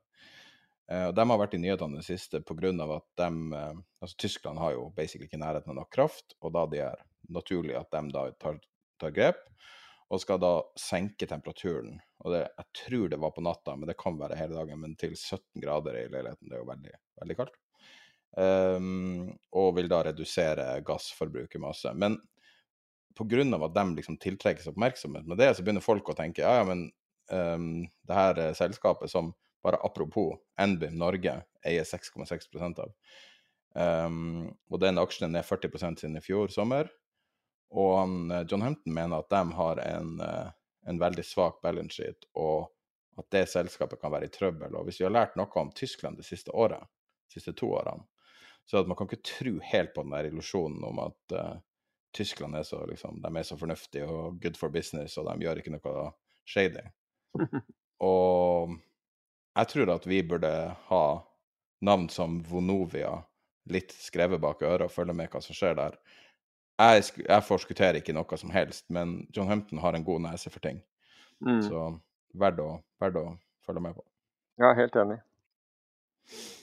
Når vi er innom boligmarkedet også, det er jo trøbbel selvfølgelig i hele verden med boliger pga. økte renter. I Kina så vil ikke eh, kjøpere betale for forsinka boliger og eller boliger som har falt i verdi. Så altså eh, bolig, nyboligproduksjon og salg er jo mer eller mindre den viktigste investeringa i Kina. Det er jo det som de fleste måte, husholdninger har. Eh, så, så, det er ganske signifikant at de begynner å Nå det, kommer jo det samtidig som at det regelmessig kommer bilder om bankruns rundt omkring i Kina. og Det virker som å være mye som brygger der. Ja.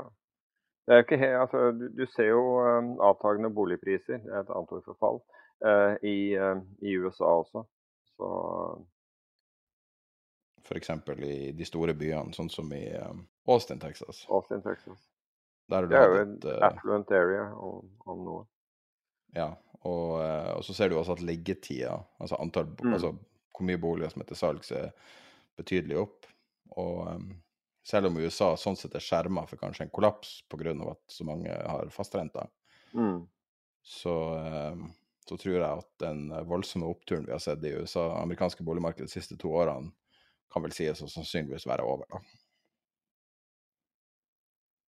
Ja, det, ja det, det, virker jo, det, virker jo, sånn. Det vil jo være logisk også i, for, i forhold til at du har høyere, høyere kostnader. Vi, vi, ser jo at mortgage rates altså Nå har den kommet litt ned, men, men den var jo voldsom det er en helt annen, de, de betaler en helt annen rente enn det, vi, enn det vi gjør. Har du planlagt å reise til Neom? Til hvor? Neom. Neon? Ikke det jeg vet. Hvor er det? Neom. Det er en uh, storby uten folk. Oh. Er det en av disse kinesiske ghost towns, eller? Nei, det er en saudi ghost town. Oh. Um, har ikke planer om å reise et, dit. Et prosjekt som de fleste ikke har hørt om, tror jeg. Som Business Week hadde som forside nå for, for helga.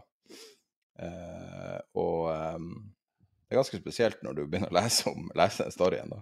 Jeg linker den og, og alle de her tingene i nyhetsprøven. Um, det er da et prosjekt som har budsjett på 500 milliarder dollar. Det er nesten hele reservene til Saudi som er budsjettet. Så jeg tror de har jeg leste et sted at de har 640 milliarder dollar. Nå har de selvfølgelig reservene i bakken, men, men altså, det her er et stort prosjekt også for dem. Mm. Og uh, det er en del av den der Saudi 2030-planen som er knytta til solenergi og alt sammen. Og uh, eh, MBS personlig har det her som sin store visjon. Det er et slags sånn ny take på Dubai, tror jeg. Ja, men i, i, i Dubai, I Dubai så stopper ikke plutselig en politibil i en rundkjøring, drar ut en fyr og hugger hodet av midt i rundkjøringen. Um, som henrettelsesmetode. Var det oppe i veien du hadde det, Saudi-ambassaden, eller hvordan var det? ja, det var, ja. ja. Er ikke det, er ikke det samme jo, gata? men det, jo, men altså, der hugger de hodet av folk, hoder og, og hender i som Det er helt merkelig. Altså, det, det er en del av trafikkbildet. Det blir jo litt spennende. Mens uh, varselskilt her hugges det av hoder. Men det er jo det tørreste stedet på jorda. Men de har jo sånn her De har jo et sånt dreneringssystem midt i Saudi. Men uh, nå var jo Biden, eller han er jeg vet ikke om han er dratt fra Saudi, men uh, han fikk jo litt olje ut av dem. Men uh, tror du han er der også for å snakke om Iran? Jeg vet, jeg vet ikke. Jeg trenger Altså, det sies jo at, at det er viktig for, for presidenter å, å, skape et fiendebilde, men det holder vel egentlig med Russland. Og du, du har jo ikke du har, altså, Selv om Trump la, gjorde definitivt et solid grunnarbeid for å, for å få for å, få, for å, være i, opp, i, opposisjon til Kina men, mens han satt, så, så, har ikke, så, har jo ikke, Biden uh, reparert det forholdet heller. Så, så, jeg vet ikke hva han gjør. Det er vel en av de få tverrpolitiske sakene i USA, er det ikke det? At de, begge partiene hater Kina? Jo, det, det virker sånn. Um, Nei, men tenk på Iran, da. Iran skal supplye Russland med de her dronene som er eh, av eh, høy kvalitet, relativt høy kvalitet. Iran er det nærmeste de noensinne har vært et atomvåpen. Mm. Og eh, eh, det var en tredje faktor, nå husker jeg ikke hva det var. Men altså, hvis vi, hvis... Iran sjøl forventer krig, da. Ja, det er, det er, mulig, men hvorfor går man ikke altså, Trump brøt avtalen med, med Iran. Den brøt han uten dokumentasjon. Og, altså, man hadde begynt å få normalisert et forhold til Iran, og isteden så, så velger Trump å, å, å gjøre det. Altså, jeg ville jo sagt at altså, Iran har jo forsøkt, og har jo i hvert fall retorisk forsøkt å, å, komme nærmere altså en, en avtale. Men jeg, det er et stolt folk, folk og jeg, jeg, skjønner at de føler seg dårlig behandlet av, av Vesten. Så jeg, jeg forstår ikke hvorfor ikke Biden isteden forsøker å få til en, en, en, avtale med Iran, slik at man i hvert fall kan slukke den brannen i Midtøsten. Han trenger ikke den brannen. Jeg tror ikke det, er, ikke det en, vil være til hans fordel og, og at den situasjonen eskalerer ytterligere eh, mot, eh, mot, Iran. Så, altså, Trump hadde jo disse haukene liksom, i, i, sin regjering, som uh, Bolton blant dem, um, som var fiksert på Iran og ønsket Iran som, eh, som en fiende. Jeg... Så du intervjuet med Bolten? Nei, Nei, jeg gjorde ikke det. Jeg hørte om det, men jeg har ikke Bolten sier uh, å, å, drive med overthrow regjeringer uh, er noe jeg har drevet med. Statskupp? ja, statskupp. Ja. Og, og, jeg vet at det er veldig tidkrevende og krever veldig mye energi. Det er en tidkrevende operasjon. Dette har jeg drevet med. Vi har en lytter i Kina. Ja. Uh, I uh, Shanghai altså en annen, Vi har mange lyttere i Kina, tror jeg. Nei, i Beijing har vi også en lytter. Vi har jo referert til han i Shanghai mange ganger. Vi har en i Beijing også som sendte et bilde fra T-banen i Beijing. Og da var den der Bolten-saken på deres nyhetsskjerm. Og det syns jeg sier ganske mye, fordi at ting som kommer ut i nyhetene i Kina, er ganske kalkulert. Mm. Og de er veldig interessert i uttalelsen til Bolten, og, og, det må være det svakeste arbeidet. Jeg tror det var CNN som intervjua han. Der han kommer med den sykeste uttalelsen, og verten kommer ikke med et oppfølgingsspørsmål engang. Han innrømmer at han har drevet med altså hjulpet til med statskupp. og å hevde at eh, Bolten er mørkeblå, det ville være I'm doing the, the color a disservice, for å si det på den måten. Han kunne ha vært stand-in for djevelen, tror jeg. Ja. Um, stand ja. Den var bra. Den var veldig bra. Stand-in for djevelen. Det hørtes ut som en bra, bra en uh, bra tittel på episoden for øvrig. Den, den var veldig bra.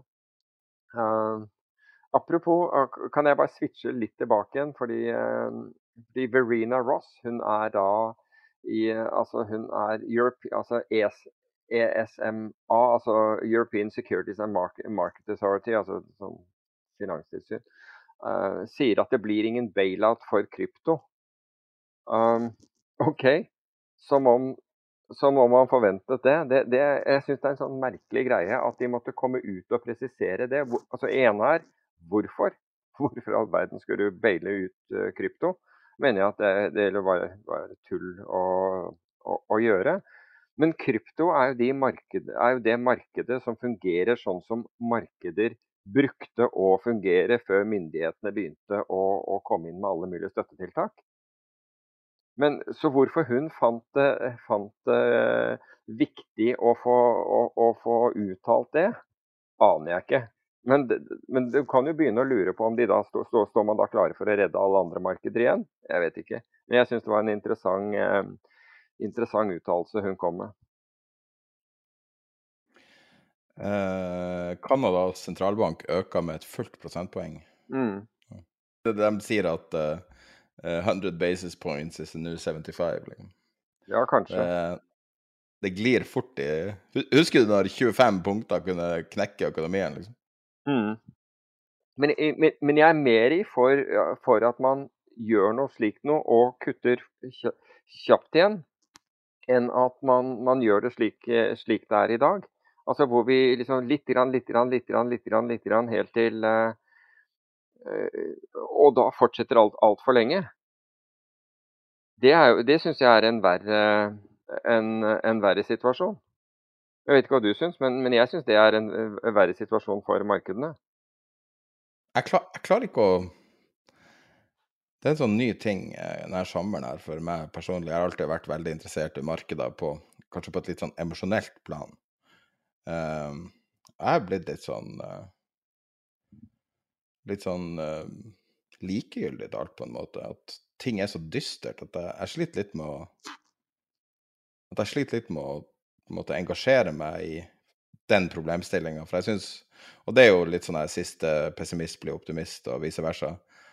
Uh, men altså, det er bare så mye dårlig nytt hver jævla dag. Og vi har så mange kriser at jeg klarer ikke å ramse opp halvparten av hvis jeg prøvde nå.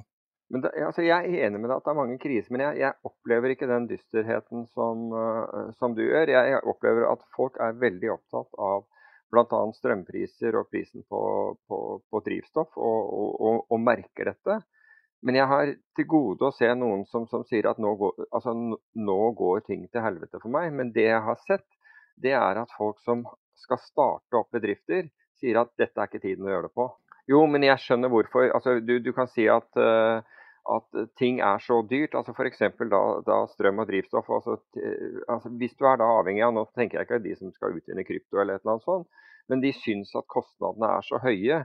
Og og det er vel en rekord med, med, med kostnader denne regjeringen har, har, har, puttet på også, men det, det sa de at de, de, de skulle gjøre. Men, men, la meg da, da, gå inn på noen ting som er positive da, uh, i dette. Så, fordi det er litt viktig at, at det CPI-tallet som vi fikk i denne uken på, på, på 9,1% det, altså, det er backward looking. Altså, den er, eh, eh, ikke sant? Og, mens hvis du ser på altså det, det, CPI den lagger. Men hvis du ser nå fra, fra, fra toppen, så er altså i, i, USA lumber, altså, hva heter det, altså tømmer, er ned 58% fra toppen. Nikkel er ned 54, burde vi egentlig ikke snakke om, for det er manipulert.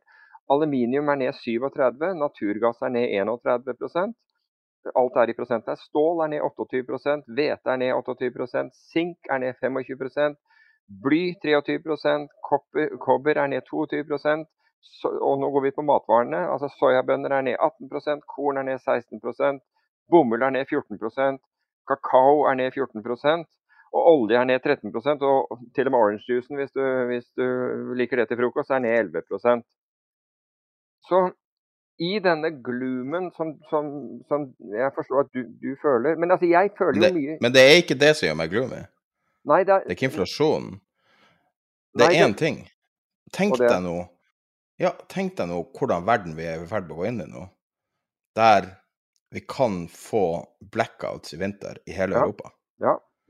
Kan du fatte hva det kan føre til?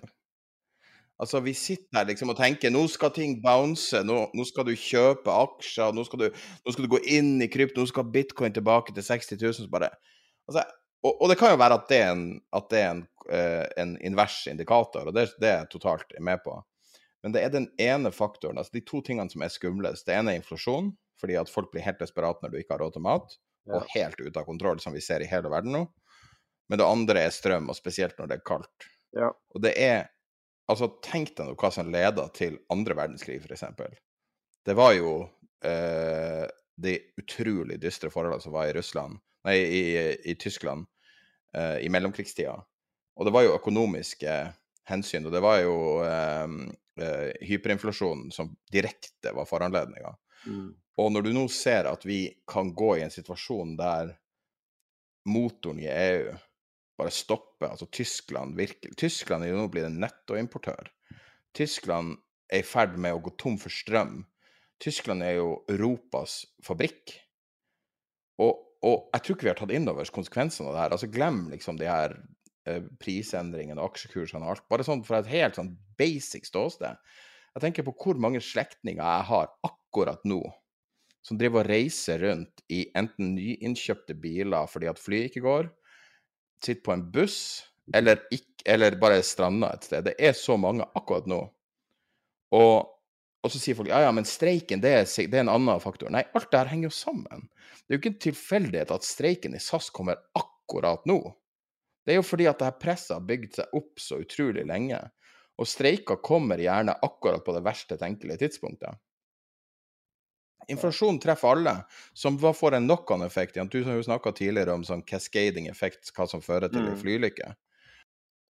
Compounding causality. Ja. Co- Compounded cascading. Men du kan jo si cascading også, for så vidt. ja da. Og jeg ser det ordet cascading igjen og igjen og igjen. Og det er liksom Jeg vet ikke. Altså, Det er jo kjipt å være dyster, men herregud, altså. Hvordan klarer folk å være bullish nå? Selvfølgelig kan aksjer stige 20% og jippi, men det er jo ikke det det er snakk om nå. Nå er det jo det at folk klarer ikke å reise fra A til B lenger. Altså, vi, verden fungerer jo ikke akkurat nå. Nei, altså vi fikk jo en, en viss uh, en sånn øvelse på dette under covid, og kanskje det var en nyttig øvelse i forhold til det vi opplever nå. Men jeg var, jeg var på, på Gardermoen på, på onsdag, og folk var ikke happy. altså Det kan jeg fortelle deg. Altså det sto folk, det, Køene ved de forskjellige gatene eh, nå, nå skulle jeg fly sent, og, og det var ikke mange på flyet, men eh, det jeg skulle ta, men køene på gatene av folk som, som, og, som hadde kommet fra andre gater og, og spurte om de kunne få gjort om billetten sin så de kunne fly med, til et annet sted. Altså det var, det var ikke god stemning, for å si det på den måten. Det var det virkelig ikke. Jeg, jeg misunner ikke de som jobber der nå om dagen. Altså. Det det er jo, altså, det- det I Tromsø for eksempel, det vanlige nå er jo å kjøpe seg bil i Oslo og kjøre til Tromsø i stedet for å ta fly. Det blitt en, en altså, Ja. For to uker siden så hørte jeg den første sånne historien, og siden har jeg hørt utallige sånne historier. Så det er blitt nesten en sånn default. Og du bare kjøper deg en eller annen eh, sånn middel, en bil til 20 000 som du vet varer, og så må du bare og så Ellers så tar du bussen, men det er ingen bussbilletter, det er ingenting. Og, og det er jo det at de her systemene vi har, er jo på en måte Til en viss grad så kan man jo Alt starta med korona fordi at vi, vi er en globalisert verden. Men, men det er bare så Jeg syns bare det, det er så deprimerende å se. Se på England nå, ikke sant. Altså, bilder fra England akkurat i dag som legges ut på, på internett, der du har tomme hyller igjen på matbutikker. Og det er jo urelatert til Altså, det er jo pga. brexit. Men vi har, og nå er det jo heldigvis har jo det mykna opp i Ukraina, at hvete kommer ut, og at varer kommer inn i Kaliningrad. Eh, altså, det må sendes eh, det gjennom Litauen eller Latvia. Eh, og, og, og det er jo veldig bra, fordi at altså Jeg tror ikke vi Altså, jeg støtter veldig eh, kampen mot Russland, men jeg, jeg vet nesten ikke om verden tåler det nå. Nei, altså jeg tror ikke man har tatt inn over seg, eh, men altså alle tror altså Egentlig så tror vi jo at, eh, at politikere eller regjeringen skal, eh, skal, skal komme med noen tiltak her. Altså ikke la dette, la tankskipet gå på grunn. Men så langt så har de jo bare sittet og åpnet utvalg. Men jeg, jeg tror at det fortsatt altså jeg tror, For vi har det egentlig så bra. Vi har tak over hodet, og vann funker og strøm funker selv om det, det, det er kostbart. Så, og vi finner mat i butikken. Så, så tror jeg at vi har en vi har, vi har fortsatt en, en veldig høy tillit til at regjeringen skal trekke noe ut av hatten. altså Istedenfor å drive partipolitikk nå, fordi vi har gått liksom Når, når man truer med blackouts i, i, i Norge, da er, tide, da er det faktisk på tide å komme på jobb og, og gjøre noe, og ikke ha sånn der eh, intervju fra, fra Kragerø med, med en kurv eh, jordbær i hånda. Altså. Men det er, det er, ikke tiden inne for å ha de intervjuene. Men at, altså, da ønsker folk å si at vi er på dekk. Dette håndterer vi. Altså, Da er det tiden for, for å berolige nasjonen og, og, og, gi tillit. ikke sant? Altså at, at, dette håndterer vi. Vi har planene klare. Vi kommer til å kjøre uh, sånn og sånn. Det tror jeg markedet, eller altså jeg, eller befolkningen om du vil, gjerne vil høre. Så jeg er villig til å forsøke å vise den der tilliten til OK, gutta, kom dere på dekk, da. Kom dere på dekk. Skuta har ikke gått ned ennå, så la, la, oss komme på dekk og prøve å gjøre noe fornuftig her. For nå må vi faktisk gjøre noe. Dette, her, dette, header, dette header galt av sted. Og det handler ikke om at du skal uh, gi den strømstøtte fremfor den og den fremfor den, og kanskje ikke der. Og de som bor der skal i hvert fall ikke få noe. Og de som tjener mindre eller mer enn eh, en X, nei, de skal i hvert fall de skal fanken få fryse i hjel i vinter. Det handler jo ikke om det. Det handler om å, å, å få skuta i land. Det handler om å ha strøm i stikkontakten og mat i kjøleskapet. Det ja, det er det jeg snakker om. Altså, det, er, det er det der og, ja, nettopp. Altså At du har varme og, og de, i hvert fall de basale tingene. Ikke la dette her gå så langt at, at det svikter. Og jeg forstår, altså jeg, jeg forstår, at populariteten til denne regjeringen har, har, har falt så mye den har, har gjort. Og, og, det er fordi man har ikke vært klar og tydelig. Det er oppnevning av utvalg. Det er det vi gjør. Vi oppnevner utvalg, med, og så får vi svaret på det, så oppnevner vi et nytt utvalg for, for, å, for å, finne ut hva vi skal gjøre videre. Ikke, da, da, må det jo gå gærent en eller annen gang. Altså, vi, problemet er at man har ikke vært testet. Og når man ikke har vært testet, så er det sånn der at ja, det går seg til. Det blir fint. Nå er, det, nå er det ferie, vi tar det etterpå. Vi tar det ute i, vi tar ute i sånn september, vi. Ja, du kan ikke Det er, det er altså, jeg, jeg, tror at uh, jeg tror at, jeg tror at regjeringen er i, er i, stand til å, å, foreta tiltak. Det er mer vilje, og, og, så er det det der voldsomt at man skal uh, at, at, denne, at, partipolitikken må gjelde slik at vi, vi er nødt til å ramme. Det er, det, er, som jeg sier, at hvis du, skal, hvis du skal lukke velstandsgapet, så begynner du ikke i midten. Du begynner i ytterpunktene. Helt i ytterpunktene. Da lukker du velstandsgapet. Det er ingen som, er ingen som lukker et gap med, med, å holde i tunga. Det, det blir feil. Gode nyheter, da. Skal vi avrunde på en god nyhet? Ja, gjør det. Vi har vår første VSOP pokerverdensmester, som er norsk. Han vant 100 mil, det er noe bra. Det er Å, herregud, ja. Det var jo veldig bra. Han kan kjøpe, seg, kjøpe boligen til Kigo eller noe sånt. Ja, men det er jo fantastisk. Altså, er du fotballspiller eller pokerspiller, så er jo, er jo, eh, er vi jo eh, Det, det syns jo vi alle er helt fantastisk, om tjener helt voldsomt. Men jobber du i næringslivet, og gud forby i finans, da bør du, da bør du helst ikke ha inntjening. Den skal, den, den skal tas. Vi kan gratulere, vi kan gratulere Choice også, som har rekordinntjening. Ja, det er fint. Mm. Du, vent nå litt. Rekordinntjening, var ikke de nettopp som, som sa de, de, de, de skulle, fått, skulle, ville ha mer av den koronastøtten? Jeg tror folk klarer å fullføre det her argumentet i hodet. Man trenger ikke å si noe. OK. Ja, ja. Det er fint at det går bra, da. Det er det jo. Ja, jeg tror også. Det skal vi glede oss over. Absolutt. Du for øvrig, hvis, hvis, du hadde skikkelig krystallkule og kunne alt mulig altså Jeg tenker på disse aksjeanalytikerne, og de har sikkert sett dette her. Eh, alle disse forvalterne har sikkert gjort noe allerede. Dette allerede, så har de vært long eh, Portugal og short Russland. Ja, nei, men da er vi tilbake. Det er Grunnen til at vi ikke har kunnet lage ekstraepisoder de her siste to ukene, at det har vært ferieavvikling og det har vært veldig praktisk vanskelig.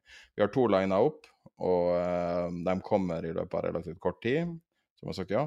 To store. Og så er det ambisjonen å prøve å ha så ofte som mulig intervjuer, litt sånn, for å få litt nye impulser og nye ideer. Så det kommer da mellom episodene. Ellers så er vi tilbake neste mandag. Ha en fortsatt fin ferie.